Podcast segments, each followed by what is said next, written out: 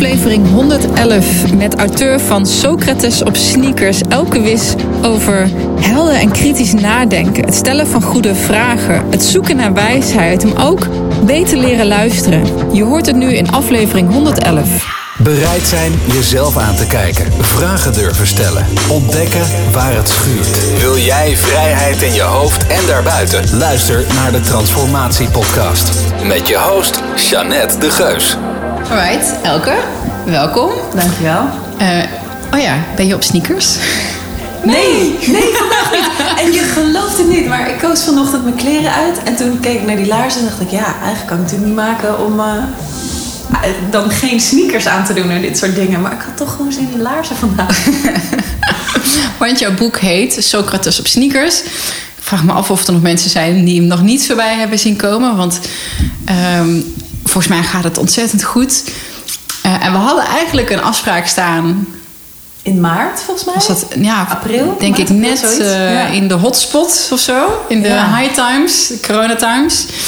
Uh, en je zei net voordat we beginnen, oh wat leuk eigenlijk dat we nu met elkaar zitten. Um, want nu zijn we weer eventjes verder en dan kan ik eigenlijk misschien ook vanaf een andere plek nu naar dat boek kijken. Dus dat wil ik wel heel graag gaan doen. Maar voordat we beginnen, wil je misschien even kort voor degenen die niet weten wie jij bent, jezelf introduceren? Jazeker. Uh, mijn naam is Elke Wis en ik heb inderdaad het boek geschreven Socrates op sneakers. En mijn achtergrond ligt in theater. Dus ik ben theatermaker, regisseur, docent. En een paar jaar geleden helemaal gegrepen door de kunst van het helder denken of het kritisch denken. Uh, en vragen stellen. Um, en toen dacht ik, ja, daar zouden meer mensen kennis mee kunnen maken. En wat levert het veel op in mijn eigen gesprekken? Uh, dus ik heb me erin vastgebeten als een soort terrier. En uh, daar is een boek uit ontstaan. Socrates op sneakers. En, en, wat triggerde dat? Dat je denkt van, oh, dat helder denken... dat kan natuurlijk niet uit de lucht vallen. Wat was daar de achtergrond van? Dat begon eigenlijk vanuit mijn eigen behoeften. Als theatermaker of als kunstenaar of als überhaupt als je iets wil maken, of dat nou een podcast is of een schilderij of een, je wil iets creëren, dan heb je vaak zo'n creatief proces in je hoofd. Je weet wel ongeveer waar je heen wil. Um, stel je een voorstelling maken over families en over contact binnen families, ik noem maar wat. Dan kan het soms best wel een creatieve kluwe zijn in je hoofd. Dat is één. En dus daar wil je dan helderheid over als maker. En twee, je wil dat ook nog eens uh, kunnen doen samen met je spelers. Tenminste, ik ben niet de regisseur die zegt: loop van links naar rechts, kijk heel boos en zeg dan deze tekst. Um, maar ik wil ook graag hun ervaringen en hun ideeën naar boven halen. Dus ik dacht, ja, ik wil daar wat handvatten voor. Hoe kan ik nou mijn eigen gedachteproces structureren? Helderder krijgen wat ik wil zeggen. Wat, wat bij mij past, wie ik ben en welk verhaal ik te vertellen heb aan het publiek. En anderzijds wilde ik handvatten om mijn spelers beter te kunnen bevragen. Dus het begon als een soort uh, zelfontwikkeling. Dat ik dacht, nou, gewoon voor mezelf. Maar ja, binnen no time was ik zo hoek dat ik dacht... Uh, ik ben een beetje gaan preachen van ja, maar dit moet iedereen kunnen. Hoe kwam je uiteindelijk bij Socrates terecht? Want ik kan me voorstellen, als je googelt, helder nadenken, is dat niet de eerste hit die naar boven komt. Nee, dat klopt. Ik ben begonnen bij een algemene jaaropleiding praktische filosofie uh, aan het ISVW. En een van de eerste lesdagen voerden we daar een Socratisch gesprek. Dus ik veel, ik had wel iets gehoord over Socrates en de beste man. Maar toen maakte ik kennis met die vorm van gesprekken voeren. Uh, en dacht ik, ja, maar dit is wauw, wat een bijzondere manier om gesprekken te voeren. En heel anders dan dat we uh, gewend zijn. Dus dat was mijn eerste kennismaking. En daarna ben ik een uh, opleiding gaan volgen tot Socratisch gespreksleider. En toen dacht ik, ja, dit, dit, dit is, dit is wel goud wat hier is. Ja. En wat, wat is het? Kunnen we eventjes de diepte in wat dat betreft? Het Socratisch gesprek of gespreksvoering, wat houdt dat precies in?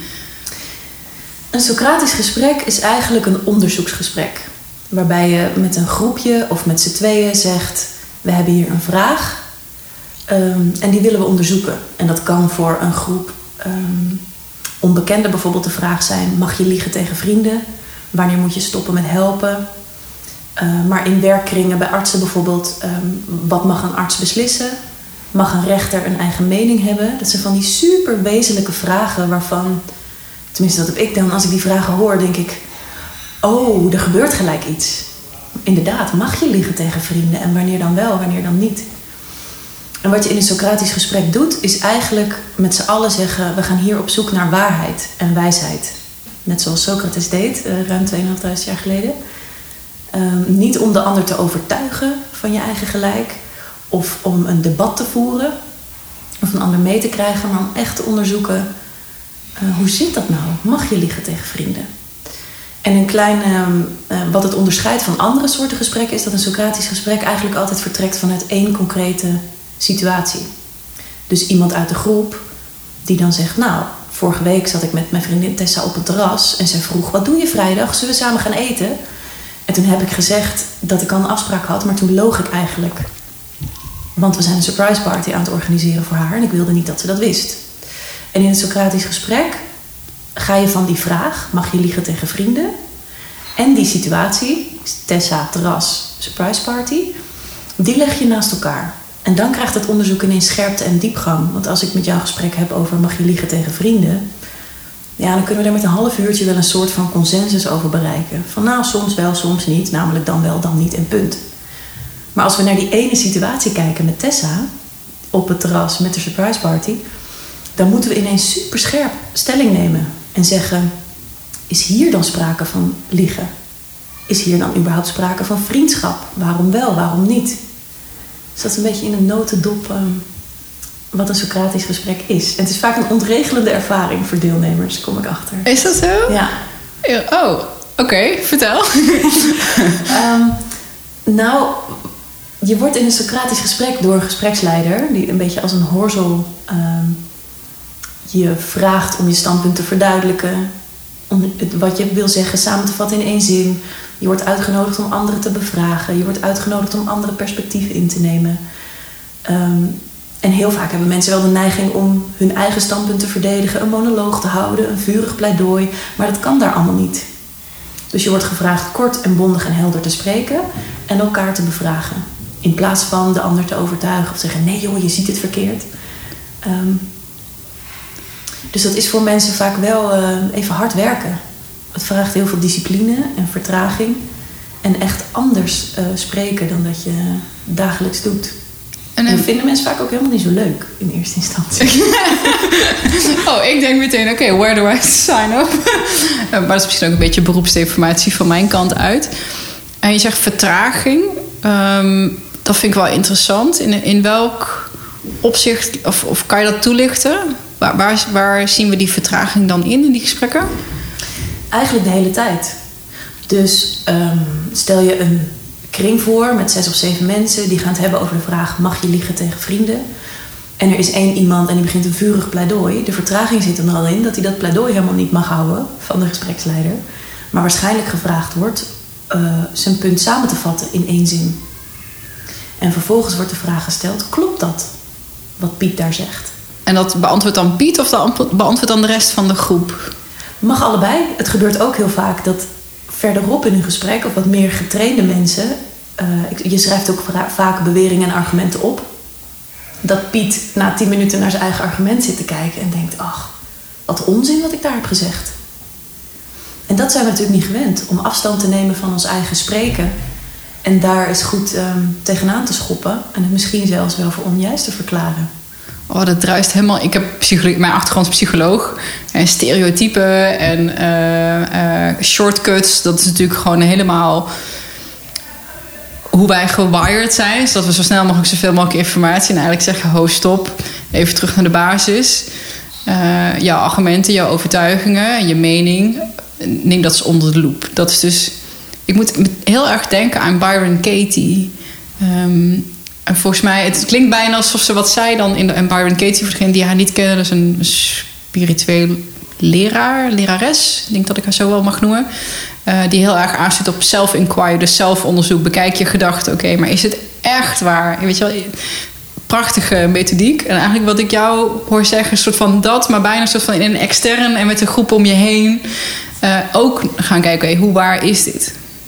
Ja, klopt, klopt het? Want je bent. Ja het uitgangspunt is dat we wijzer willen worden. Ja. En we worden alleen maar wijzer door ons denken te scherpen aan dat van de ander. En niet in je eigen hoofd je um, oordelen te blijven herhalen die je toch al had. Dus dat vraagt ook wel dat je jezelf laat bevragen. En dat je aan het wankelen wordt gebracht, omdat een ander met hele sterke argumenten komt. Ehm, en dat maakt het een ontregelende ervaring, maar wel eentje die je, die je, die je bijblijft, omdat het je zo confronteert met wauw. Namelijk binnen een half uur weet niemand meer wat vriendschap is en wat helpen is. En in het begin denk je natuurlijk dat je het weet. En dan? En dan ik zie dan zo'n groep voor me. Zo, oh, oké, help. En nu? Weet je wel, alles staat op zijn kop eventjes. Wat, wat gebeurt er dan daarna? Ehm, nou, dan ben ik heel blij. Als gespreksleider denk ik, hè, hè.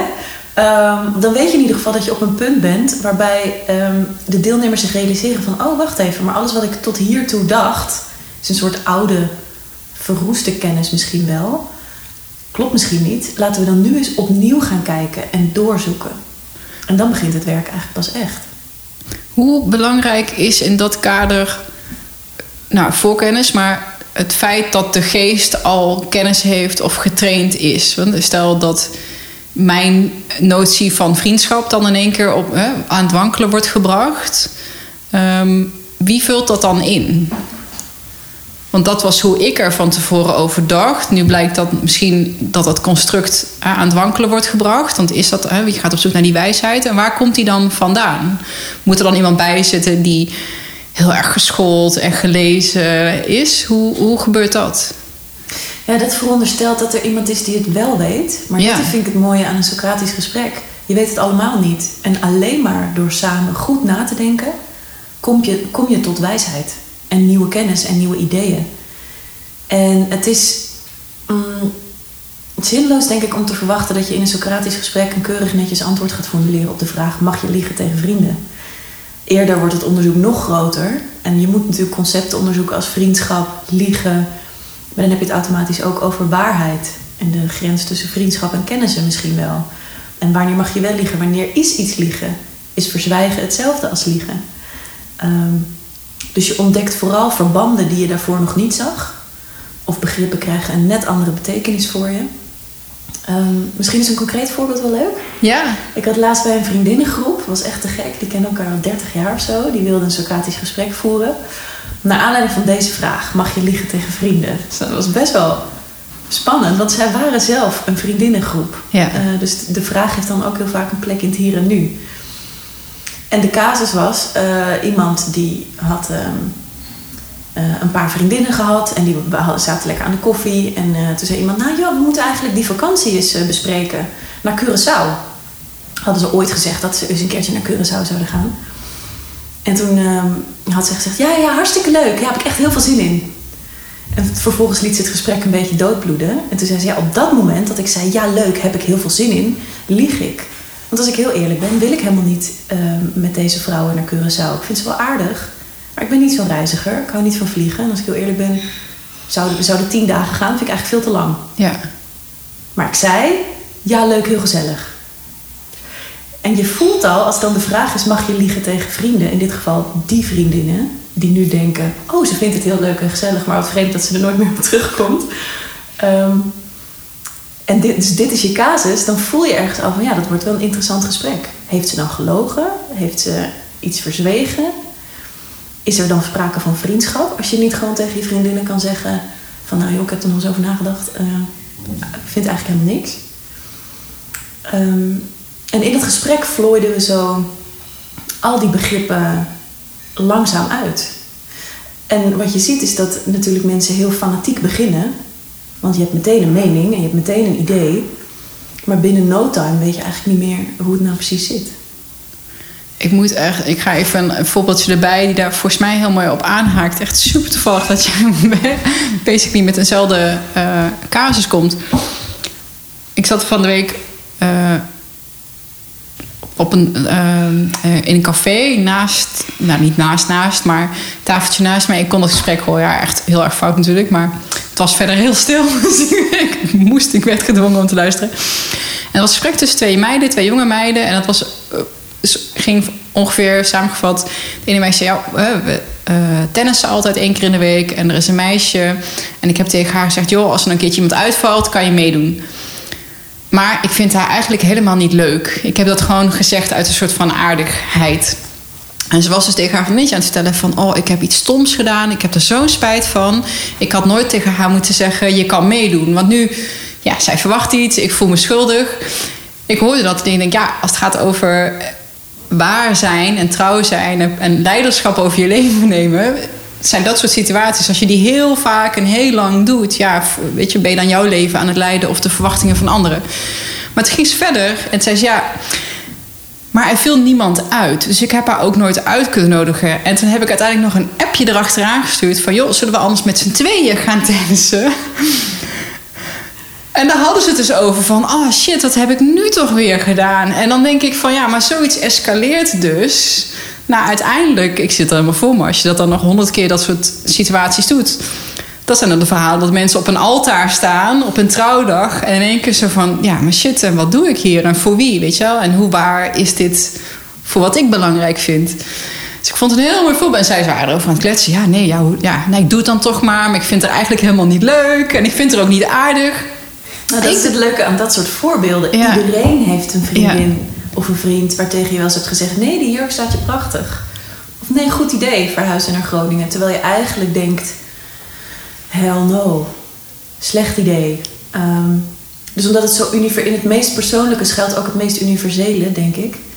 Ehm, en is er dus ook heel veel wijsheid te vinden als je zo'n casus onderzoekt op een Socratische manier. Ja, en de reacties daarop vind ik heel interessant. Want ik ging meteen naar me. Oh jee, meisje, wat doe je jezelf aan? Weet je wel? Pas op dat je jezelf niet verliest. Terwijl eh, mijn vriend bijvoorbeeld zei: Ah, is toch een heel lief meisje? Want ze dat is zorgzaam. is heel zorgzaam en heel lief.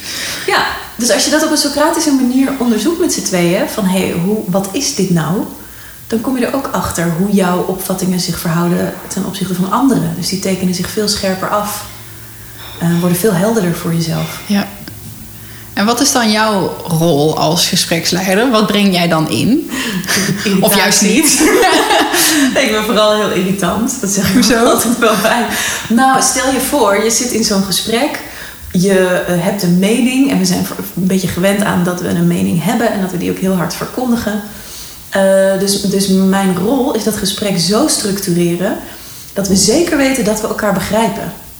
En dat is, dat is allereerst de hele kunst. Want als jij een monoloog houdt, maar ik zit ondertussen met mijn hoofd bij wat ik zo meteen wil zeggen, dan begrijpen we elkaar al niet.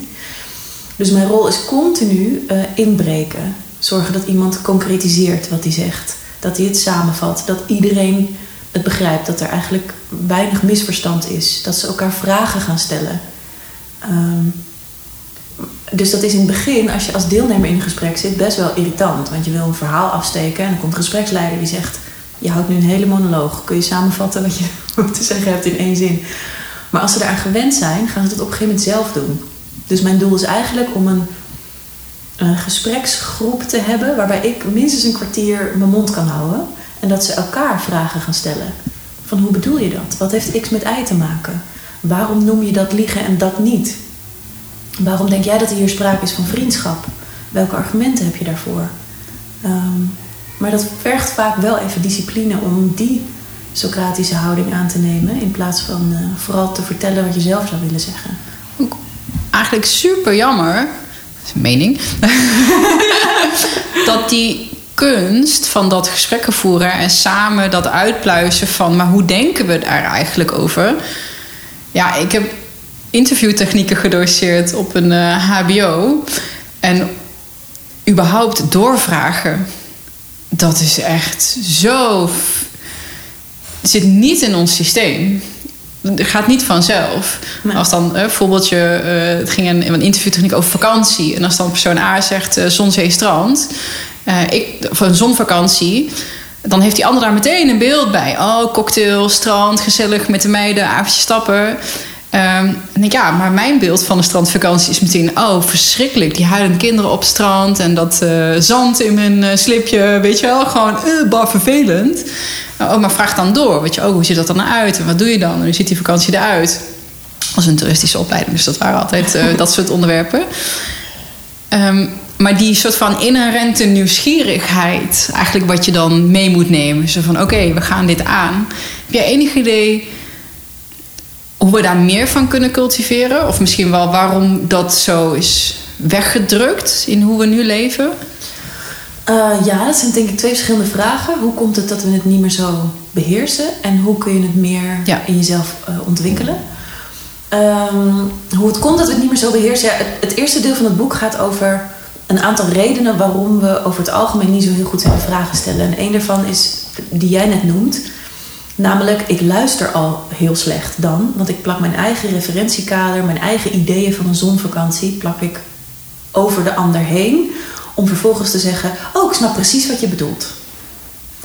Um, dus Socratisch luisteren is eigenlijk luisteren om niet te begrijpen.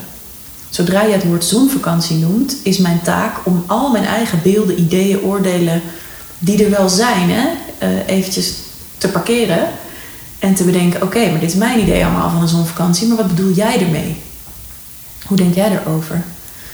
Um, dus dat kunnen we over het algemeen nog niet zo goed. Ons eigen referentiekader uitschakelen en echt zuiver luisteren. Een andere reden is dat het gewoon heel lekker is om over jezelf te praten. Schijnt dat ons lichaam uh, dopamine aanmaakt op het moment dat je over jezelf spreekt. Dus het is veel uh, zelfbelonender dan een vraag stellen. En ik denk ook wel dat we het in het onderwijs niet zo heel goed geleerd krijgen. Dat gaat toch heel vaak over kennisreproductie. Niet altijd zijn uitzonderingen, maar vaak toch ook wel. Um, en in onze cultuur en maatschappij en media wordt het hebben van een mening veel groter beloond dan twijfelen en vragen stellen. En je even onthouden van een uh, visie of opinie en die even niet uh, op tafel gooien. Dus dat zijn denk ik wat redenen waarom we er niet zo heel goed in zijn en hoe je het wat meer kan oproepen in jezelf. Um, ik vind jouw voorbeeld van net wel mooi. Dat je namelijk dus heel bewust moet zijn van... oh, maar wacht even, dit is mijn beeld van een zonvakantie. En ik krijg wel eens, er is niet heel veel kritiek op het boek, maar wel een beetje. Uh, en die snap ik ook. Dat is namelijk mensen zeggen, oh ja, maar dat boek over vragen stellen gaat heel erg over wat ik allemaal niet moet doen. En dat is een beetje pijnlijk, maar dat klopt wel. We hebben eerst heel veel af te leren. Al onze luistergewoontes, al onze gewoontes om te zeggen, oh maar dat heb ik ook, maar dan erger. Uh, of advies te geven. Um, dat moet je eerst bewust worden en vervolgens afleren. En in jezelf een oneindige nieuwsgierigheid oproepen, die gaat over, maar wat denkt de ander? En daarmee laat je dus ook los dat je per se je eigen mening zou moeten willen delen, of per se de ander zou moeten willen overtuigen van iets. Maar dat je realiseert dat uh, nieuwe ideeën voor mij zitten eerder in jouw hoofd. Want mijn eigen denken ken ik al wel. En dat, dat, ik vond het interessant wat je zei. Oh, dat heb ik ook. um, Waarom... Want dat heb jij ook. Ja. Doe ik nooit. um, klopt het dan wat je zegt van, oh ja, door, door dat te zeggen, kap je hem ook meteen af? Enorm, ja. En iedereen kent dat, volgens mij dat gevoel wel. Dat je heel enthousiast vertelt over je bruiloft of je vakantie of weet ik het. En je gesprekspartner komt zo van rechts en zegt: Nou, maar de Malediven, dat is nog niks. Wij waren op huwelijksreis daar en daar en daar. En dat je een beetje een soort. Ja, staat af te wachten tot die ander dan klaar is met zijn verhaal. En denk, nou ja, oké. Dus dan blijft dat gesprek op de oppervlakte hangen. Je leert allebei niks nieuws. Je gaat ieder je eigen weg en dan denk je, nou oké, daar hoef ik misschien geen verhaal meer tegen op te houden de volgende keer. En dat is wel jammer ligt het misschien ook wel een beetje aan natuurlijk in wat voor situatie je zit. Ik kan me ook heel goed voorstellen dat het op, met je collega's of als je niet zo heel veel. dat het ook wel een. Uh, nou, ergens is het volgens mij ook wel een vorm van goede gespreksvoering, een rapport maken. Dus zorgen dat de ander zich aan jou kan beleten. Alleen is dat dan een rapport over de top, uh, misschien. Ja, dat snap ik wel hoor. Ik, ik denk dat het ook heel goed is om het vooral niet definitief in de prullenbak te gooien. Uh, want een ander kan zich ook getroost voelen door jouw verhaal. Exact, ja. Um, alleen zo zetten we hem vaak niet in. Vaak begin ik te praten omdat ik zin heb over mezelf te praten. En niet per se om de ander te laten zien van... hé, hey, ik ken dat ook. En Brené Brown, ik maak daar wel een heel mooi onderscheid in. Zij zegt um, ergens in een interview van kijk, je, je weet dat het over troost gaat. Als jij mij vertelt, ik noem maar wat over, ik heb een ruzie met mijn partner, ik voel me zo rot en we hebben geschreeuwd tegen elkaar en ik, ik schaam me echt over wat ik heb gedaan of gezegd. Je weet dat het over troost gaat als ik dan blijf bij wat afschuwelijk. Ik weet hoe je je voelt. Vertel verder. dan gaat het over troost. Maar op het moment dat ik een anekdote naar voren schuif, met nou, ik weet hoe je je voelt. Twee weken geleden, jongen, was ik met mijn partner. Dan gaat het niet meer over troost. Dan gaat het over, kijk eens, hier is mijn verhaal. En dan maak je vaak ook geen rapport meer, maar voelt de ander zich eerder verloren. Ja, ik snap hem. Ik snap wat je bedoelt, nee. ik voel me heel erg getroost. Ja. ja, en dat illustreert denk ik wel... Durven mensen überhaupt nog vragen aan je te stellen? Gesprekken met je aan te gaan? Ik merk dat ik eh, heel zelfbewust word ervan. En dat had je ook al gezegd van tevoren. Ja, dat zeggen alle journalisten en podcasters die ik nu spreek. Hoe is de toepassing hiervan in jouw leven nu?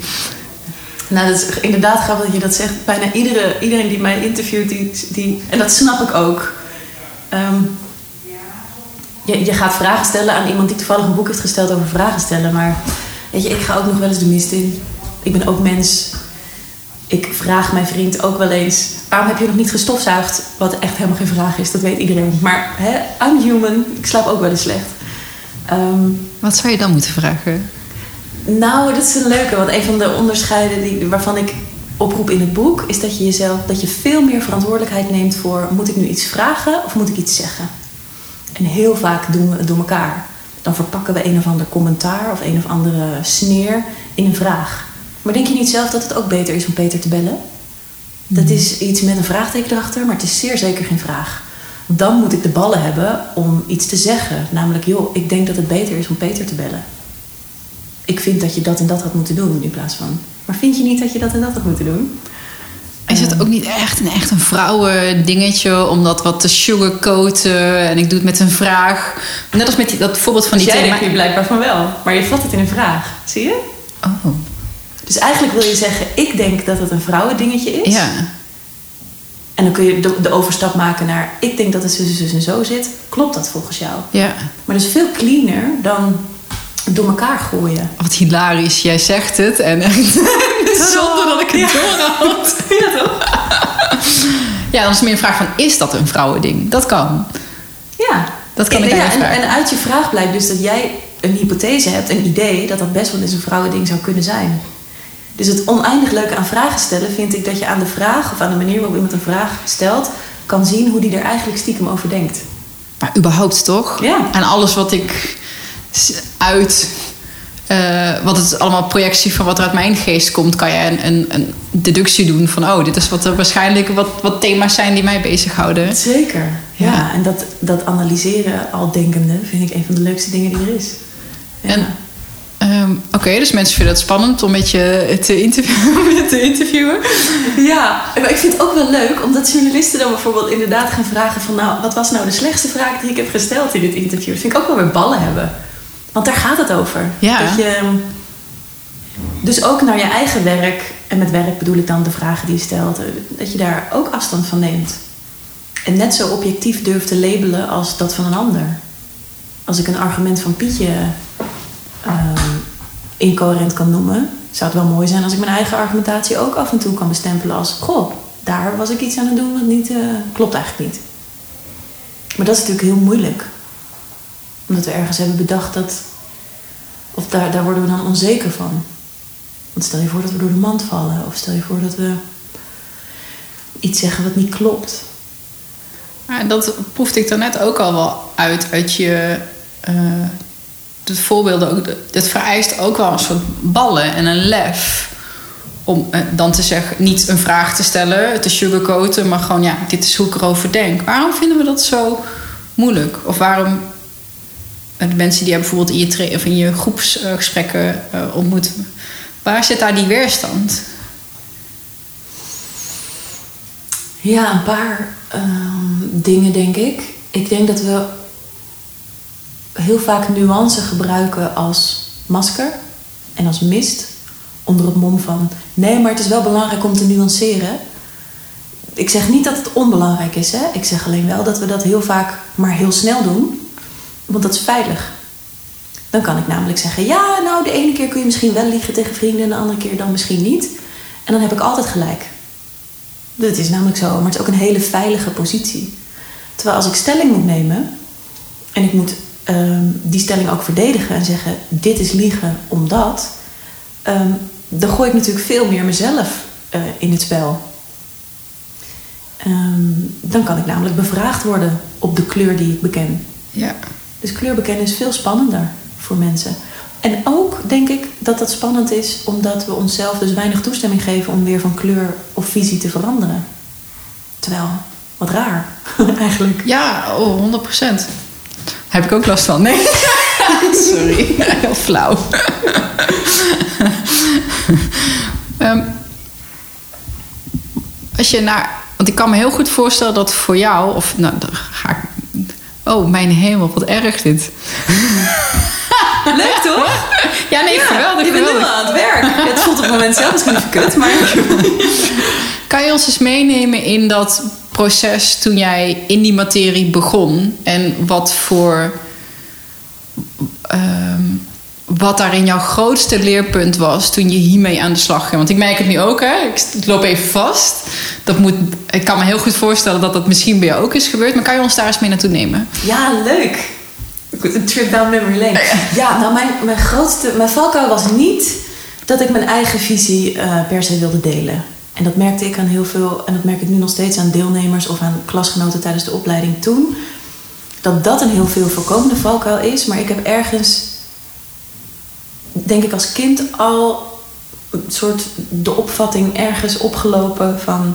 Maar mijn mening en visie is niet zo interessant en hoef ik niet per se te delen.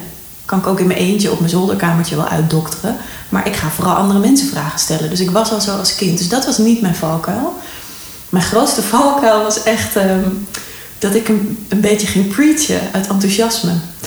En uh, dat beschrijf ik ook in het boek dat als je, als je je eigen Socratische houding echt goed traint, betekent het ook dat je iets minder empathisch wordt. Omdat je ontdekt van hé, hey, er is zoveel lol en wijsheid en plezier te ontdekken in Socratische gesprekken. Als je het een beetje beheerst, hè? maar niet iedereen zit daarop te wachten. Zo koud dat je denkt: ik ga jou gewoon eens even lastig vallen met vragen. Dus ik merkte op een gegeven moment wel aan mijn vriendinnen dat hè, dan hadden ze, hadden ze een emotioneel verhaal wat ze met mij wilden delen. En in plaats van dat ik zei, zo vet kut, hier nog een wijntje, ging ik dan de irritante vragen stellen. Dus dat was echt mijn valkuil. Ik dacht, oké, okay, Wis, je kan niet uh, iedereen tegen zijn zin in zomaar lastig gaan vallen met vragen. Dat moet je misschien maar niet doen. Misschien dat als met coaching, dat je van tevoren ook, dat de andere kant ook weet, oké, we gaan nu een type gesprek in. Ja, het is wel handig om het aan te kondigen of in ieder geval uh, de uitnodiging te doen. Van joh, uh, zullen we dit onderzoeken samen? En op het moment dat iemand heel emotioneel is of verdrietig, is dat sowieso niet het moment. Maar later kan het best wel zijn dat als iemand weet van hé, hey, jij stelt altijd van die goede vragen. Ik heb hier echt een blinde vlek. Ik kom er op mijn werk niet helemaal uit. Er is iets tussen mij en mijn werkgever. Ik doe daar wat in, maar ik snap het niet. Dat je dan prima zo'n onderzoeksgesprek in kan. Maar ik, mijn enorme default is dat als ik ergens enthousiast over ben, dat ik. mijn ex zei altijd: uh, El, je kan niet mensen tegen hun zin in gelukkig maken. En dat deed ik toen als paardenmeisje. Had ik ook zo'n opleiding waarin ik van alles ontdekte. En dacht, maar iedereen moet het weten. Maar mensen zitten er niet per se op te wachten. Dus ja, sta je dan met je mooie preek. Maar... Hoe reageren mensen dan? Wat gebeurt er dan? Als jij daar in vol enthousiasme, iemand zit daar in de emotie. Nou, vreemd gaan, ja. Even extreem voorbeeld. Ja, precies vreemd gaan. Ja. Wat deed hij dan exact? Ja. Waarom noem je dat vreemd gaan en dat niet? Ja. Mm -hmm. nou, ik doe dat dus inmiddels niet meer. Inmiddels heb ik wel geleerd dat er zijn momenten voor empathie en een arm om mijn schouder en nog een biertje en bitterballen of heel chocola. En er zijn momenten voor scherpe vragen. En inmiddels bevind ik me natuurlijk in de enorm luxe positie dat mensen mij opzoeken en betalen om de irritante horzel te zijn met de vragen die je eigenlijk jezelf zou moeten stellen, maar die je zelf niet stelt. Dus de noodzaak valt ook een beetje weg. Maar ik kan natuurlijk niet. ik moet eigenlijk mijn vriend interviewen. Die kan wel een boekje open doen, denk ik, over. Natuurlijk thuis zie ik ook wanneer iemand aan het bullshitten is. Of zichzelf voor de gek houdt. Of een of andere kul argument op tafel legt. Soms laat ik het gaan. En soms uh, denk ik, ja, maar wat, wat zit er hier nou te doen? Ik had gisteren nog, gisteren nog tijdens een meeting... kwamen er allerlei ideeën op tafel. Maar ook allerlei angsten. Van ja, maar stel nou dat de deelnemers... Uh, niet met Zoom om kunnen gaan. Of stel nou dat ze hun camera uit willen zetten. Uh, en dan, maar ja, dan willen we wel een workshop doen. Hoe gaan we dat dan doen? En dat ik op een gegeven moment dacht, ja, nou en? Als je dan in een online workshop gaat zitten, moet je misschien niet je camera uit willen zetten. Of dit is niet jouw workshop. Dus dan, het, het geeft me wel de tools ook om glashelder te spiegelen van hé, maar hier komt iets op tafel wat er misschien niet hoeft. En ze vervolgens dan wel ook de ballen hebben om dat op dat moment dan vast te pakken. Ehm, dus sommige mensen reageren geïrriteerd als je, het, als je het op een verkeerd moment inzet. En andere mensen zeggen, oh ja, dat is eigenlijk een goede vraag. Ja, heel tof. Ik, uh, je zei al, er is een klein beetje kritiek op je boek. Um, terugkijkend, wat is eruit voortgekomen wat je echt totaal niet aan zag komen? Of nu achteraf ze van, wow, dat had ik echt niet verwacht. In welke zin bedoel je? Nou, bijvoorbeeld ontmoetingen of een. Of, of um, nou, ik wil zeggen benefits, maar weet je, er komen, er komen dingen naar je terug. Ja. Je, hebt, je hebt je ziel en zaligheid in zo'n boek gestopt en na, aan de wereld gepresenteerd. Er wordt op gereageerd. En jij hebt een open houding. van, nou, ik zie wel wat er komt, maar ik ben heel benieuwd van... oké, wat waren daar de, de mooie, onverwachte dingen... die je echt van tevoren niet had kunnen bedenken... wat dat jou gebracht zou hebben. Dus zowel het boek als misschien ook de content. Want dat zijn weer twee ja. uh, losse vragen natuurlijk. Ja, mooi. Nou, wat ik ontzettend verrassend vind... en wat me ook nog iedere keer heel dankbaar maakt... is de moeite die mensen nemen om bijvoorbeeld een fotootje te maken... of op LinkedIn of via de mail een paar zinnen te wijden aan dat ze mijn boek hebben gelezen en wat het ze brengt. Dat vind ik zo waanzinnig.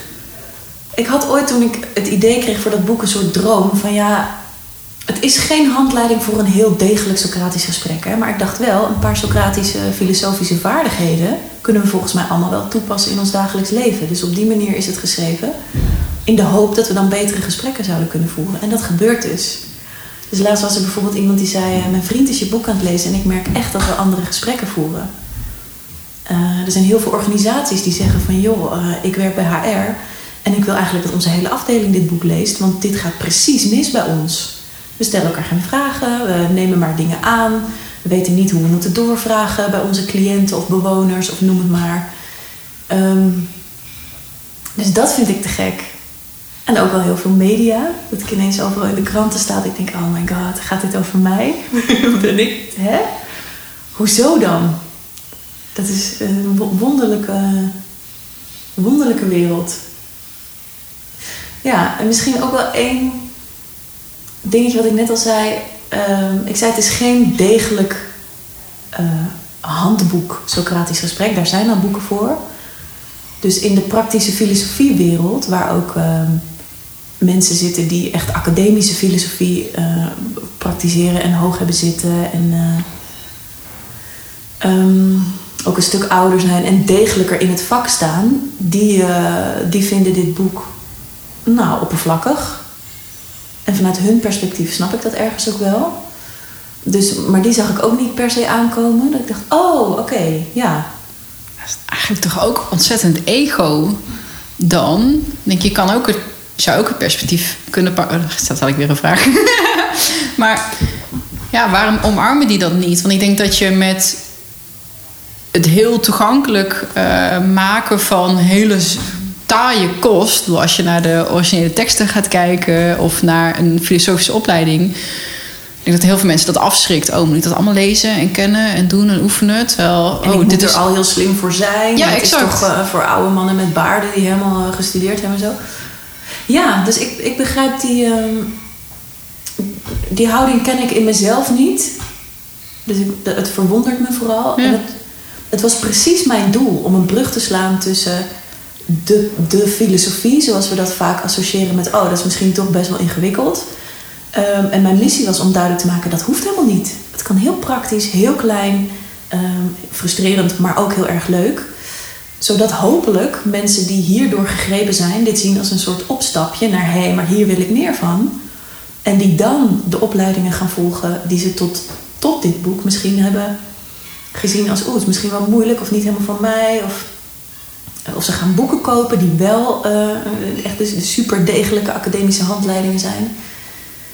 Uh, dus in die zin is dat boek ook voor een heel andere doelgroep, denk ik, dan mensen die al tien jaar Socratische gesprekken voeren.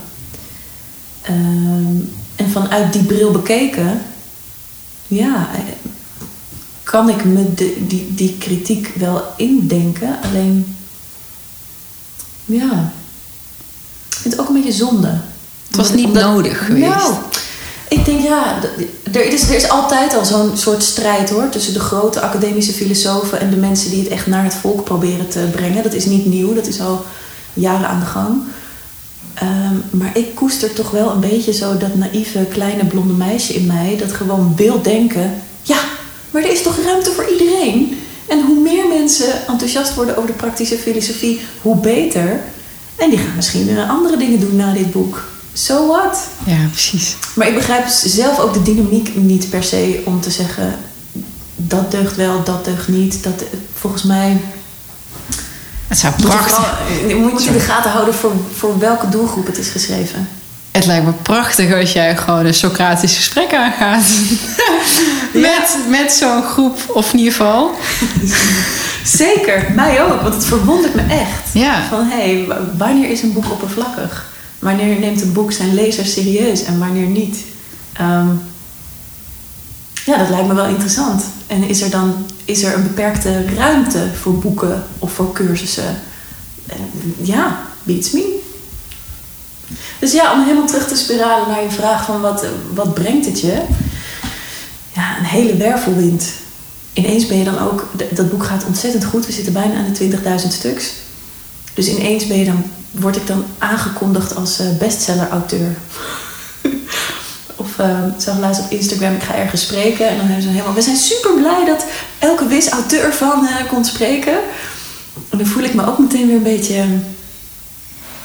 soort klein worden. Dat ik denk, ja maar jongens, je moest eens weten. Mijn vriend moet altijd heel hard lachen. Dan zit ik ochtends met mijn uh, op de bank aan de koffie. Dan zegt hij, joh, ze moest eens weten. De bestseller-auteur zit hier ook gewoon in de pyjamaatje en staat straks uh, buiten paardenpoep te scheppen. en ook dat is dan weer een soort van stereotyp beeld. Wat me dan weer heel erg leuk lijkt. Ook om daar tegenaan te schuren. Want waarom mag je niet gewoon jong, jong en bubbly en, en in hun ogen misschien oppervlakkig, maar so what?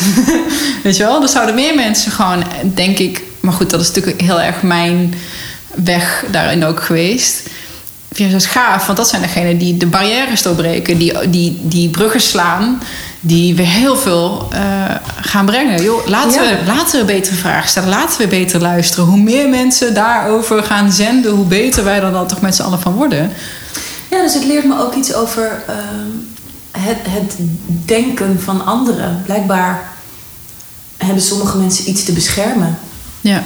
Of, of ja, een, een gedachtegoed of een andere visie. Ja. Maar ik heb nooit zo de dynamiek begrepen dat je dan een ander naar beneden moet trappen om je eigen. Die, ik snap die strijd gewoon niet ja, zo. Ik ja, het, het, kan toch naast elkaar? Het is toch niet of-of? Maar misschien uh, kan hè, dat ik daar weer veel te naïef in ben. dat zou kunnen. Het lijkt mij een hele. Volgens mij is dat gewoon een heel gezond psychologisch mechanisme. Wat er, dat, ik, wij denken uh, in groep, oud groep.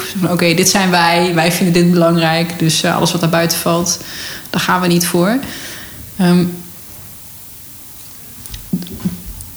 ik heb ooit een boek gelezen. Volgens mij ging het over geweldloze communicatie. Ik, ik zie nog zo dat matrixje ook voor me. Van wanneer je dus net een gesprek afkapt. Dus nam je ook al, het voorbeeldje gaf je ook al. Als iemand zegt, oh ik heb dit en dat meegemaakt. Ik dan gewoon kaart een verhaal over iets anders ga vertellen. Versus het meest empathische. Oh, vertel meer. Weet je, neem me mee in jouw gevoel, in jouw ervaring. Um, what has been seen cannot be unseen. Sinds ik dat tabelletje heb gezien zie ik het ook bij anderen. En soms irriteert me dat ook. Als ik inderdaad met een verhaal kom en mijn vriend die gaat dan met iets heel anders. Um, wat zijn nou typisch dingetjes of uh, vragen of waar je jezelf op checkt? Van, oh ja, deze niet meer. Niet meer zo. Um, en wat zijn je go-to... Nee, ik stel heel vaak twee vragen in één keer. Laten we met de ene beginnen. Wat zijn vragen waar je, waar, je, waar je merkt, ook in je deelnemers, waar ze zich op moeten vangen? Net als ik nu. Ik, ben, ik heb continu een soort van editor niet in mijn hoofd. oh, ben ik nu een ben ik iets aan stelling? En, ja, ja, precies. Maar daar begint het mee. En dan wordt het vanzelf uh, veel helderder. Dus eigenlijk wat je nu net heel mooi zegt is... Uh, what is seen cannot be unseen. En dat is ook zo. Als je het eenmaal weet, kun je niet meer niet weten. En dan ga je echt vanaf nu luister je misschien wel anders naar radio-interviews of anders naar gesprekken van anderen en kun je bepaalde dingen herkennen. Van oh, hier neemt iemand een verhaal over. Of hé, hey, hier doet iemand iets met een vraagteken, maar het is niet echt een vraag. Uh, dus vragen waar je jezelf op zou kunnen betrappen zijn bijvoorbeeld.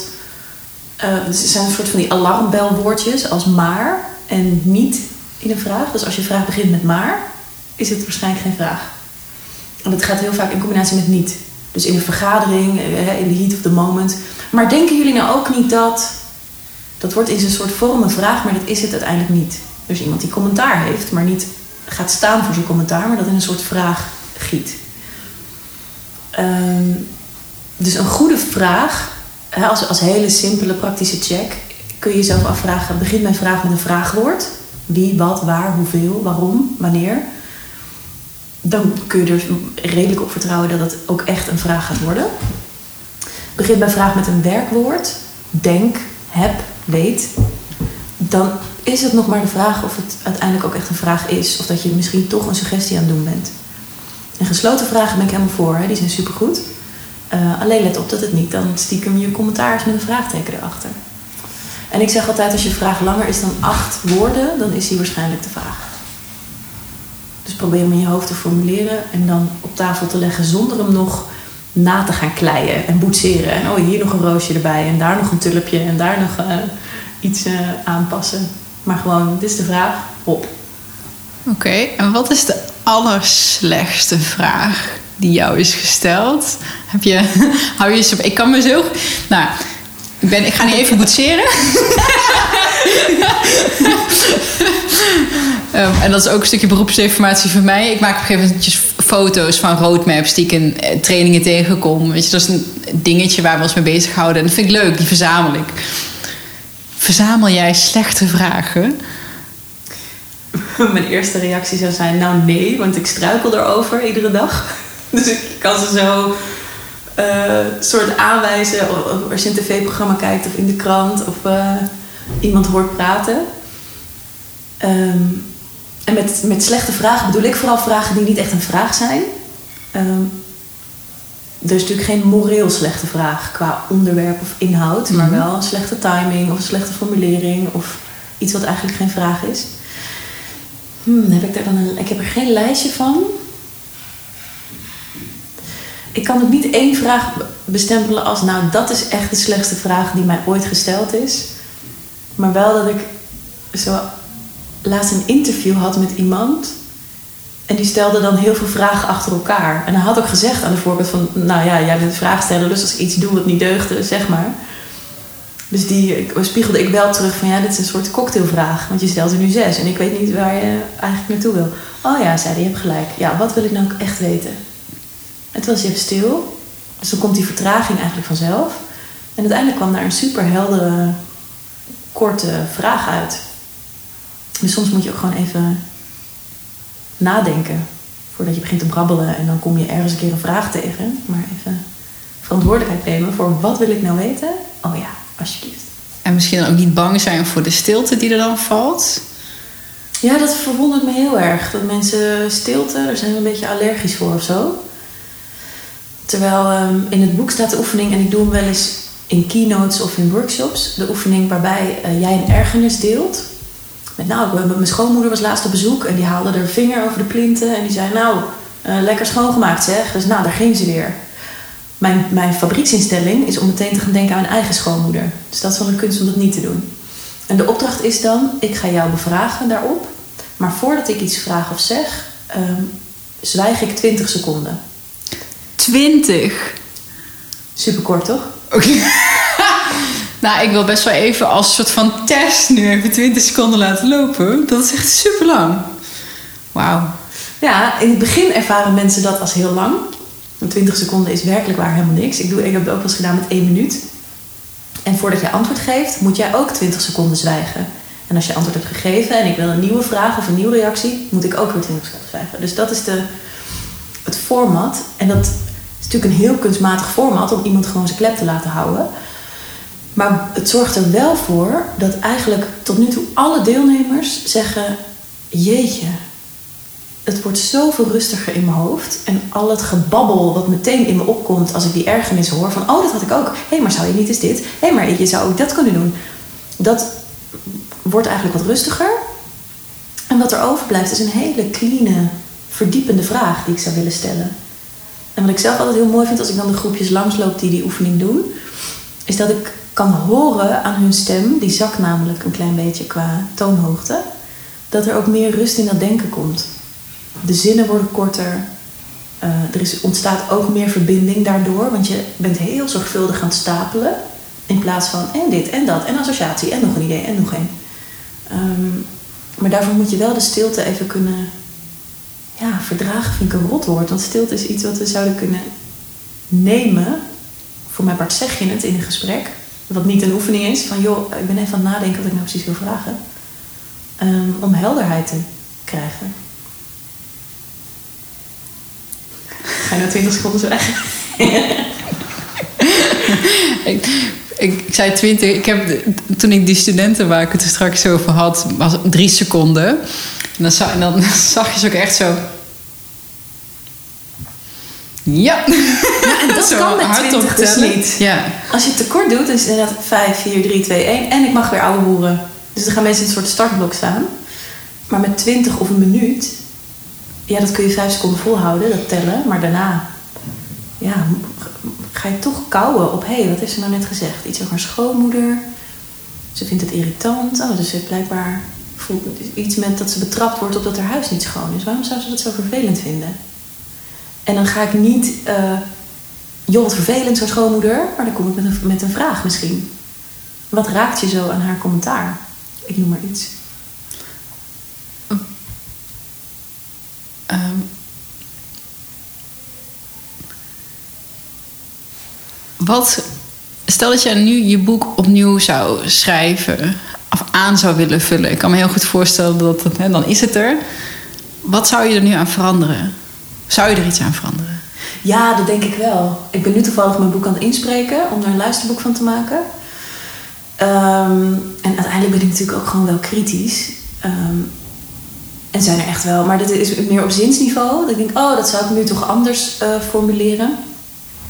Um, ik weet niet of ik er hele stukken uit zou halen, toe zou voegen. Ik denk dat ik wat, wat kleine inzichten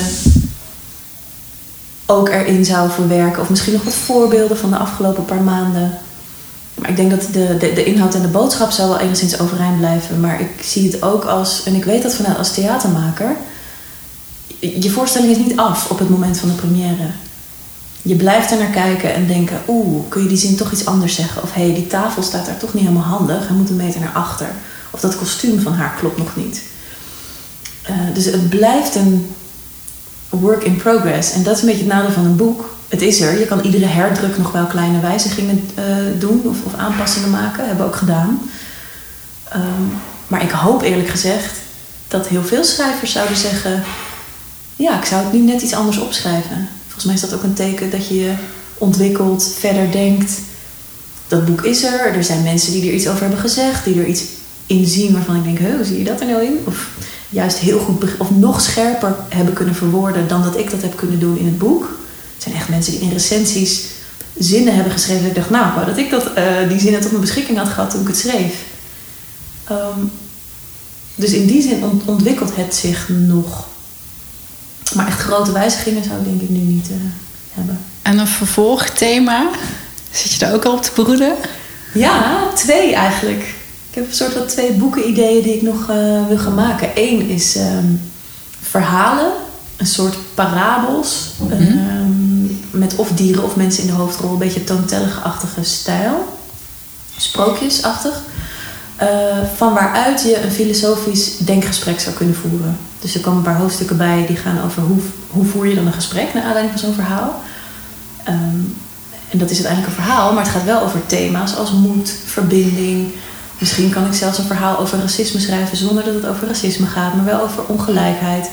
Waardoor je een gesprek kan voeren over die thema's, maar met zo'n verhaal als ingang. Je kunt filosoferen vanuit kunst, vanuit gedichten, vanuit verhalen. En dat lijkt me heel tof.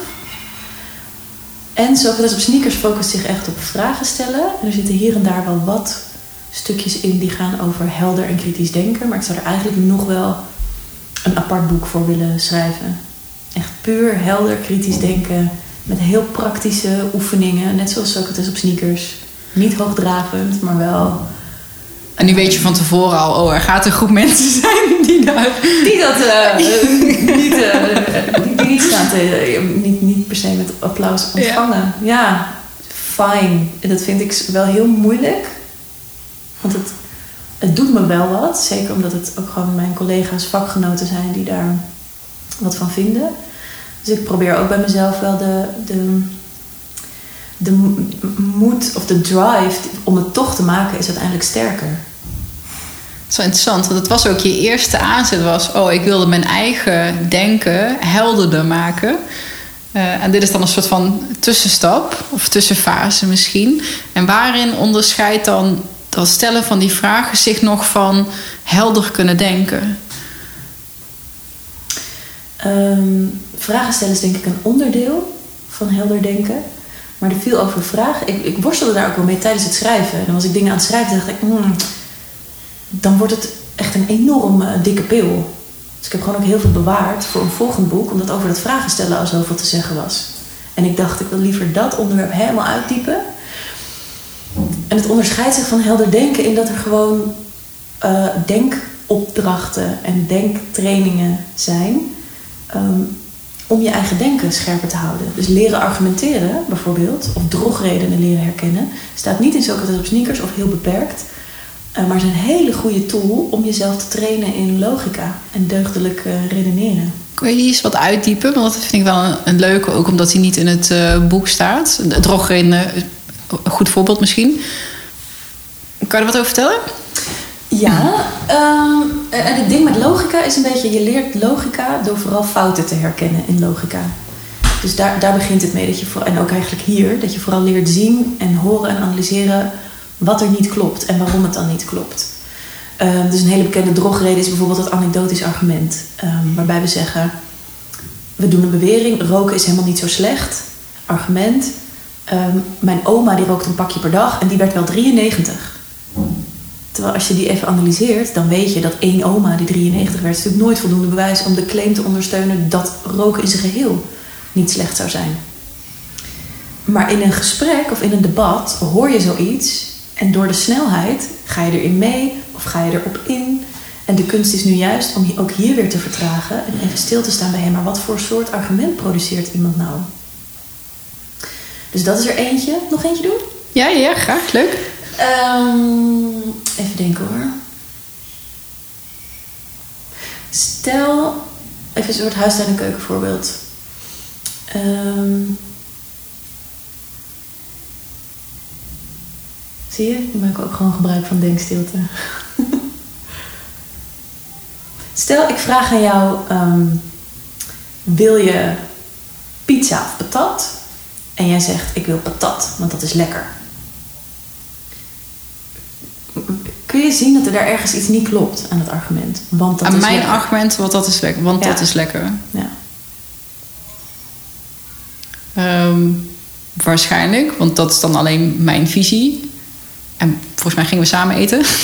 Of was dat niet de, de vraag? En bovendien, ja, Nee, gaat het om lekker? ook? Nee, het gaat niet om Oké, het gaat om de inhoud. Dus een ander voorbeeld zou bijvoorbeeld kunnen zijn: wil je ehm, wortel of broccoli? En dan zeg je: ik wil broccoli, want dat is gezond. Dat idee van En gezond. niet. Ja, hij is zo simpel dat je er bijna overheen kijkt. Dat idee van gezond, is dat dan uniek voor broccoli? Of gaat dat ook op voor wortel? Oh ja, nee, precies. Oké, Ja. ja. Dus daarmee leg je een argument neer, wat net zo goed geldt voor de andere kant, waarmee je het argument in de prullenbak moet gooien. Dus dat noem je een, een technische term, dat heet ongedifferentieerd argument. Dat betekent dat het is niet exclusief voor dat ene. ja. Als ik vraag wil je koffie of thee en jij zegt thee want dat is warm, gaat ook op voor koffie. ja. Maar als je zegt thee want van koffie krijg ik hoofdpijn, dan is het een onderscheidend eh, concept wat je gebruikt. Van thee krijg ik geen hoofdpijn, van koffie wel. Als je zegt ik wil broccoli want dat is groen, groen gaat niet op voor wortels. Ja, Maar ja. ja, de, Of als je- een stuk van de wortel. Ehm, dus dat zijn van die drogredenen, zo'n anekdotisch argument, ongedifferentieerd argument, ehm, die ik super leuk vind om te herkennen, maar waarmee je ook helderheid kunt creëren in gesprekken en in je eigen denken. Want als jij keuzes moet maken, we hebben het nu over broccoli, wortel, pizza, patat. Maar een vraag kan natuurlijk ook heel erg zijn: uh, wil ik hier, gaan hier blijven wonen of wil ik terug naar waar mijn ouders wonen? Als jouw argument dan is: uh, ja, maar hier heb ik een, uh, mooi huis, ja, dat gaat daar waarschijnlijk ook op. Dus het traint je om de dingen echt uit elkaar te vlooien en om stevigere argumenten te kleien. Ja, wat ik er echt geweldig aan vind, is dat het ook. Het, over, het, het zoekt heel erg het overstijgende op. Oh, dit is mijn referentiekader, mijn perspectief. Uh, en wat jij dan doet, is, of wat de vraag dan op dat gegeven moment doet, of dat blootleggen van zijn droggenerering. Oh, maar wacht eens even. Oh, dit, zo had ik het nog niet bekeken. Uh, oh, en dit is angst. Ik ben dan angst dat ik daar niet een mooier huis vind. Ja, dus je wordt eigenlijk getraind in iets objectiever denken. Ja. En, en puzzelen. En we zijn zo gewend om onze subjectieve gedachten maar serieus te nemen. En dat, daar kom je een end mee. Maar volgens mij kom je verder door je ook even te schuren aan eh, wat meer objectiviteit. En, maar wow, dan vraag jij ons als subject zijnde om objectief over onszelf te zijn. En dan ga je mhm. natuurlijk diep de filosofie in. Oké, maar en wat is dan dat objectieve ja, zelf? en hebben we objectieve gedachten? Ja, dat dat is logica. Is een wortel doorgaans oranje of groen? Doorgaans oranje. Dus zo super simpel kan het zijn. Dat vinden we heel erg moeilijk. Ehm, want we, soms zeggen we, ja, maar ik zie het zo, dus is het waar. Ehm, maar ik zou vooral willen uitnodigen om eens even goed te schoppen tegen het is waar vanuit logica. En denk jij dat deze, of in jouw mening, deze ehm, manier van kijken en stilstaan en vertragen, dat we daar. Uh, dat dat voor iedereen praktisch is of, of nuttig is. Kan, veel verschillende mensen, veel verschillende doelgroepen. Um, corporate wereld, HR, je noemde het al. Uh, op, maar uh, op hoe grote schaal is dit nuttig? Ja, goeie. Ja, mijn, mijn eigen idealistische ik zeg natuurlijk weer... iedereen moet hier iets van... maar zo werkt het niet. Um, ik denk dan in meer of mindere mate, afhankelijk van hoeveel het je interesseert, of je het leuk vindt, um, denk ik dat kleine stukjes daarvan je wel degelijk kunnen helpen in je eigen gedachteproces helderder krijgen. Of in vergaderingen helder kunnen zien van hé, hey, maar jij, jij legt nu een argument neer voor project A, maar datzelfde argument gaat op voor project B. Dus we moeten nog een argument hebben om te zeggen we gaan verder met A en niet met B. Uh, dus ik denk in die zin dat heel veel mensen er iets aan kunnen hebben. En een van mijn favoriete leermeesters, Oscar Brennevier, die zegt daarover... Um, ja, dat, dat helder kritisch denken en filosoferen en vragen stellen... Uh, is in theorie voor iedereen. Net zoals voetbal voor iedereen is. Maar tegelijkertijd houdt niet iedereen van voetbal. Sommige mensen vinden het niet leuk, hebben er geen talent voor, hebben er geen zin in. Um, en dat is hier denk ik net zo. Je noemde al een paar inspiratiebronnen. Um, kan je dan, lees je graag? ik, ik wil mezelf er meer aan committeren. Ja. En wat, wat lees je? Of, of nou, misschien is het podcast luisteren dan, maar wat, wat, wat consumeer jij om jouw hoofd te blijven podcast voeden? dus heel graag. Oké. Ehm, tegenwoordig ook al veel over business en marketing, omdat ik aan het denken ben over hoe wil ik dan met de denksmederij verder en um, wat kan ik daar nog in leren. Um, boeken lees ik altijd wel in ieder geval twee tegelijk, eentje fictie, eentje non-fictie. Ik ben nu bezig in Sapiens van Harari. Vind ik echt te gek. Ook om je eigen individuele ikje even wat minder belangrijk te voelen. Want hij neemt je helemaal mee door de geschiedenis van de mensheid. En je wordt eigenlijk continu herinnerd aan... oh my god, je bent echt maar zo'n fucking ja. sneeuwvlok in... Hè, wat doen we moeilijk soms. Dus dat vind ik een heel leuk boek. Ehm, ik heb net een nieuw boek binnen. Dat heet Hoe de wereld denkt. Van Bagini, Bagini als ik het goed heb onthouden.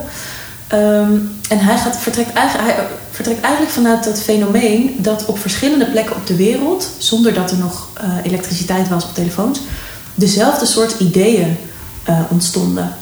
En de standaard filosofieboeken gaan eigenlijk uit van, nou hier heb je die denker in die tijd en die zei dat. En hij heeft het meer over onderwerpen. Nou, dit onderwerp kwam daar aan het licht op die manier en daar aan het licht op die manier. Dus daar ben ik nog twee bladzijden, ben twee bladzijden verder in. Dat lijkt me heel interessant. Uh, de Stoïcijnen, als iemand denkt, ik wil... Als je, stel je, je luistert nu en je denkt, nou, ik zou wel eens... Leuk boek, Socrates op sneakers. Maar wat, wat zou ik dan nog tot me kunnen nemen... wat niet meteen helemaal hoogdravend en uh, moeilijk is? Zou ik zeggen, ga de Stoïcijnen lezen. Marcus Aurelius heeft... Was er een boek in het bijzonder? Wat je... Ja, Marcus Aurelius, Overdenken. Zeg, zeg dat goed? Overpeinzingen heet Overpeinzingen. Ja. Um, Epictetus heeft een zakboekje. Wat heel, een hele kleine uh, overdenkingjes heeft hij daarin opgeschreven. Die zijn super praktisch. En je hebt een boek dat heet Socrates Leven en Dood. En daar staat de eindrede van Socrates. En sowieso de Socratische dialogen. Mensen denken vaak, oh, die zijn heel moeilijk en ingewikkeld. Um, maar dat valt wel mee. Als je even het geduld hebt om je ermee te installeren en um, erin te duiken en een vertaling kiest die niet heel erg uh, middeleeuws is, dan leest dat best wel mooi weg en is daar veel rijkdom uh, in te vinden, denk ik. Ja, dat zijn een paar van, uh, van mijn inspiratiebronnen. Oh ja, en ik moet er eigenlijk nog eentje noemen. Dat is een Poolse dichteres. Zij is fantastisch. Zij heet Wisława Szymborska. Dat moeten we nog even herhalen. Zo we kunnen het in de show notes zetten. um, in het Nederlands zouden we zeggen Wisława, want zo schrijf je het. Maar in het Pools schijn je, schijn je dan Wisława te zeggen. En haar manier van gedichten maken is eigenlijk heel Socratisch. Zij koppelt hele grote filosofische ideeën over leven en dood in super kleine momenten. Ze heeft een gedichtje over dat ze op een landweg loopt en dan ziet ze een kevertje. Die is dood en die ligt op zijn rug met zijn pootjes op zijn buik gevouwen. En dan gaat haar overdenking over, ja, als je dat kevertje zo ziet liggen, is de dood helemaal niet groot en meeslepend. En wij denken dat de dood, dat heftige, dat dat iets is wat alleen ons mensen overkomt. Maar dat is niet zo. En de manier waarop zij die pendelbeweging eigenlijk de hele tijd maakt, tussen grote ideeën, abstracte dingen, naar heel klein, super praktisch en herkenbaar, vind ik echt fenomenaal. Ze heeft een Nobelprijs gekregen voor literatuur, heel erg terecht. Wauw. Ja. Ik ga het straks eventjes uh, opschrijven in de show notes erbij. Ja. Um, is er nog iets waarvan je denkt, oh, dat wordt me eigenlijk nooit gevraagd. En dat, dat wil ik zo graag dat me gevraagd wordt. Dat wil ik zo graag vertellen. Oeh, um, hmm. Ja, er schiet me zo even niks te binnen. Nog niet moe gepraat na al die podcast-interviews? Um, Nee, ik denk als ik er heel. Het is nu een tijdje geleden dat ik er één heb gedaan. Ik, ik merkte wel toen ik heel veel interviews deed voor kranten, televisie, dat ik, of niet televisie, maar kranten en radio. Televisie, wow. nou, nou, dat is lekker pretentieus. Nee. Dat, dat, toen waren er echt een paar achter elkaar. Dat ik op een gegeven moment hoor je jezelf zo een paar keer dat verhaal achter elkaar vertellen. En dan denk ik, nou, zijn mensen er nog niet zat van.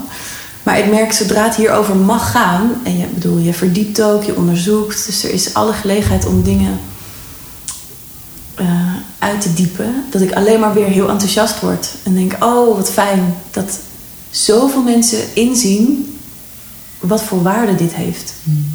Echt goede gesprekken voeren.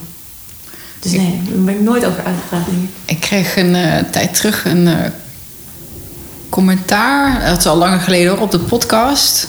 Um, toen maakte ik het vergelijk. Soms kan je na een gesprek weglopen en ik, jeetje, wat is er net gebeurd? Bijna alsof je seks hebt gehad. Alsof, omdat je, ja, op een gegeven moment kom je op een connectie, het voelt heel intiem. Um, en dat, ja, spraken we uit eh, terwijl die podcast liep. En zei met achteraf van, oh, wat een verschraling eigenlijk van deze generatie. Dat er een podcast opgenomen moet worden. Dus een officieel moment waar je op record drukt om eigenlijk gewoon basically een goed gesprek te hebben. Want wat is een podcast anders dan twee mensen die zeggen: Ik zet mijn telefoon uit, cancel my day plans. Ik heb even helemaal aandacht voor jou en voor wat, wat wij hier nu gaan laten ontstaan. Toen had ik wel zoiets van ja, daar heeft hij eigenlijk best wel heel erg gelijk in. En misschien luisteren we daarom ook zo graag naar podcasts. Omdat we zelf dat soort gesprekken helemaal niet voeren. Um, en nu ben ik zo aan het kleien dat ik gewoon uh, het begin van mijn vraag kwijt. Nee, dat was nog geen vraag. Dat was een verhaal. Of okay, een commentaar ja. wat je had gekregen. Ja. Eigenlijk hoor ik jou dat ook een beetje zeggen. Van, hè, het is zonde. Of ik zou zo graag willen dat mensen meer ook die dialoog en die diepgang. En dat we weer echt gesprekken met elkaar gaan voeren. Maar we, Ja, ja. En dat hoeft dus niet altijd officieel in de zin van we voeren nu een Socratisch gesprek, jongens. Dat kan als je dat interessant vindt en leuk vindt en je wilt jezelf trainen. Ga vooral Socratische gesprekken voeren. Maar mijn oproep zou echt zijn: ontwikkel een paar filosofische vaardigheden. En dat is niet moeilijk. Die, die zijn er al wel. Die zijn ook in uh, coachingsopleidingen, cursussen, die komen ook wel aan bod. Alleen hier zijn ze wat filosofischer neergezet. Maar ik zou wel willen zeggen, dat kun je creëren in alle gesprekken die je hebt. Hoezo je telefoon op tafel leggen als je uit eten gaat met je partner? Hoezo met je koffie in je hand al bijna doorlopen als je collega even iets vraagt? Hoezo geen tijd nemen voor. Vertel. Wat is precies je punt? Hoezo geen vragen stellen? Hoezo denken dat het allemaal maar snel moet? Of stilte. Ja. Dat hoor ik, of dat merk ik ook heel erg in de gesprekken en in, in mijn eigen ervaring. We zijn zo bang voor stilte of voor niks doen. Dat moet dan per se gevuld worden met social media of met chit-chat. Het mag ook gewoon even, oké, misschien zijn we gewoon klaar. Weet je wel? Misschien heb ik nu gewoon even niks te vertellen of niks te vragen. En zitten we gewoon in stilte bij elkaar. Ja, of misschien ben ik aan het verwerken wat je net hebt gezegd. Of ben ik een vraag aan het bedenken. Of ben ik. Ja. Er zijn zoveel mooie dingen mogelijk in stilte. Laten we die uh, vooral toestaan in onze gesprekken. Ja, dus het is echt een uitnodiging om eens opnieuw te kijken naar hoe sta jij in gesprekken. Mensen ervaren mijn workshops en trainingen of een Socratisch gesprek ook wel uh, als actieve mindfulness. Want je richt je aandacht zo op dat wat je aan het doen bent. Ja, actief mindfulness. Vind ik mooi. Die ga ik onthouden. Jeetje. Ik vind gewoon dat iedereen je boek moet lezen nu natuurlijk. Te gek. Ik, ik heb ook, kijk ik echt wel uit ook naar de vervolgstap. Naar het, uh, het denken. Ja, ik ben psycholoog. Um, statisticus, of in ieder geval psychologie, is heel veel statistiek. Nou, daar komen natuurlijk heel veel biases en vertekeningen in, in het denken. Daar is de statistiek ook voor ontwikkeld, ook om dat te kunnen uitsluiten, deels. Dus ik vind het waanzinnig fascinerend. Uh, ja, en vroeger hadden we natuurlijk geen psychologen. Dan ging je met mentale klachten naar de filosoof. Ja. En langzamerhand is psychologie een uh, apart onderdeel. Dus het, gaat, het is echt, uh, gaat heel mooi hand in hand. Ik heb mede ook door wat ik bij jou zag, uh, ga ik waarschijnlijk volgend jaar een tweejarige praktische filosofieopleiding ook uh, doen. Weet je, dat is natuurlijk een interesse wat er altijd al zat en zit, een psycholoog, maar inderdaad, het is uh, filosofie, theologie, psychologie. het hangt, weet je, de menselijke geest, dat hangt natuurlijk allemaal met elkaar samen. En ik vind juist de, de brug dus, oké, dat is mooi, al die theorieën, die filosofen, maar en hoe dan hier nu wij? Wat hebben we eraan? Dus ik vind het heel mooi dat jij daar een soort van lans voor breekt. Um, ja, en Socrates ook. Hij zei, filosoferen uit boeken levert je alleen maar boekenwijsheid op. Je hebt er pas iets aan als je het hier, nu, in dit leven toe kan passen. En hij deed ook gewoon op de marktplaats. Ja. Ik bedoel, dat was niet alleen maar in de... Juist niet. Nee, Zijn missie was ook, filosoferen is voor het volk. Ja. Wat is filosoferen precies? Laten we dat als, als laatste vraag. Ja, goeie. Uh, ik zou zeggen, filosoferen is uh, wijsbegeerte. Dus je hebt het verlangen om wijzer te worden. En om daar te komen, moet je eerst zelf erkennen dat dat wat je dacht te weten, dat dat misschien niet. Dus je moet jezelf in twijfel durven trekken. En om daar te komen heb je tools tot je beschikking, namelijk vragen stellen en helder denken. Mooi. Nog afsluitende tips voor mij? Voor jou? ja. Um, in, de, in, het, in het gebied van vragen stellen? Ja, ja, ja. Um, nou, je zijn volgens mij zelf al. Dat je soms de neiging hebt om twee vragen achter elkaar te stellen. Uh, waardoor de ander niet meer weet. En dat is zonde, want je stelt soms dan wel een goede vraag, maar die blijft of liggen of de ander maakt een verhaal van, waardoor je net niet het scherpe verhaal krijgt. Um, en volgens mij, denk ik, ik verdenk je er nu van. Nee, ik denk dat je na, na vandaag scherper doorhebt of je iets aan het vertellen bent of dat je een vraag aan het stellen bent. Uh, en daar wordt het denk ik ook helderder van. Het, kan, het is allebei goed, alleen het helpt wel als je weet: ik ga nu een verhaal vertellen. Misschien komt een vraag, misschien ook helemaal niet. Of ik ga nu een vraag stellen. En soms, zat dat nu door elkaar heen. Ja. Maar volgens mij, uh, na vandaag word je daar veel scherper in, toch? Ja, dat nee, ja, te, te, gek. Weet je en daar zijn ook deze podcast, ook voor degenen die luisteren. Ja, weet je, uh, super herkenbaar natuurlijk. Dus uh, nee, dankjewel daarvoor dat je het me even terugspiegelde. Dus ja, super mooi. Dankjewel. Ja, jij ook heel erg bedankt. Wil je meer Transformatiepodcast? Check Jeannette online. Ga naar transformatiepodcast.nl slash meer.